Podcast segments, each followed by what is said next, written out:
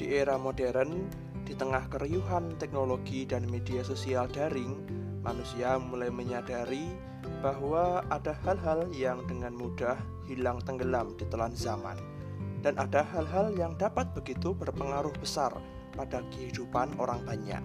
Karena keramaian informasi, kebanyakan hal-hal tersebut adalah isu-isu yang beredar di antara masyarakat mereka bisa tenggelam dan hilang, namun bisa juga mendapat perhatian besar sehingga memberi pengaruh signifikan pada dinamika hidup berbangsa dan bernegara.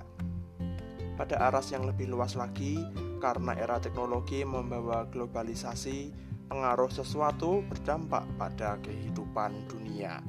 Selain isu-isu, hal lain yang berpengaruh besar pada kehidupan ialah juga semisal adanya penyakit, pola-pola sosial, kebiasaan, budaya-budaya populer, dan masih banyak lagi.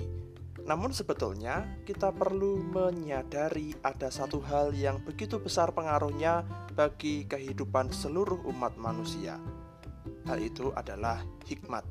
Hikmat yang berasal dari Tuhan bagi manusia. Amsal 8 ayat 14 sampai 16.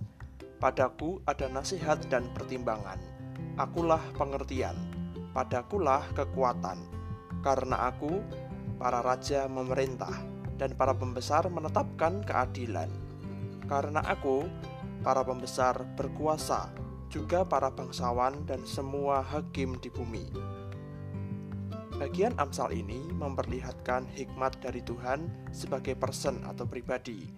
Pada hikmat itu ada nasihat dan pertimbangan Hikmat itu merupakan pengertian, dan yang jarang kita sadari bahwa hikmat itu merupakan kekuatan. Poin penting ini akan semakin disadari, mengingat bahwa hikmat itulah yang membuat penguasa, pemimpin, dan pejabat dapat memimpin dengan baik, menegakkan keadilan, serta hidup dengan nilai dan moral yang baik. Hikmat sejatinya memiliki pengaruh besar hikmat begitu penting bagi setiap orang, terutama bagi orang-orang yang berpengaruh besar di tengah-tengah masyarakat, yakni mereka yang dalam jabatan, kedudukan, kepemimpinan, dan memiliki kekuasaan. Bila orang-orang ini menyadari pentingnya hikmat dan mengembangkannya, hikmat akan menjadi kekuatan yang sesungguhnya. Pengaruhnya akan begitu besar, sehingga mengatasi berbagai-bagai isu tidak signifikan dalam kehidupan masyarakat kekuatan dan pengaruh hikmat akan mengambil tempat dalam kesadaran manusia, memenuhi ruang-ruang riuh perjumpaan antara manusia, baik langsung maupun di dunia maya melalui media sosial daring. Kekuatan dan pengaruh hikmat akan menjadi terang yang menyadarkan manusia bahwa tidak ada seorang pun yang hidup untuk dirinya sendiri, tetapi berorientasi pada kebaikan bersama dengan banyak orang. Hal ini terjadi seturut dengan penyertaan Tuhan, Sang Sumber Hikmat.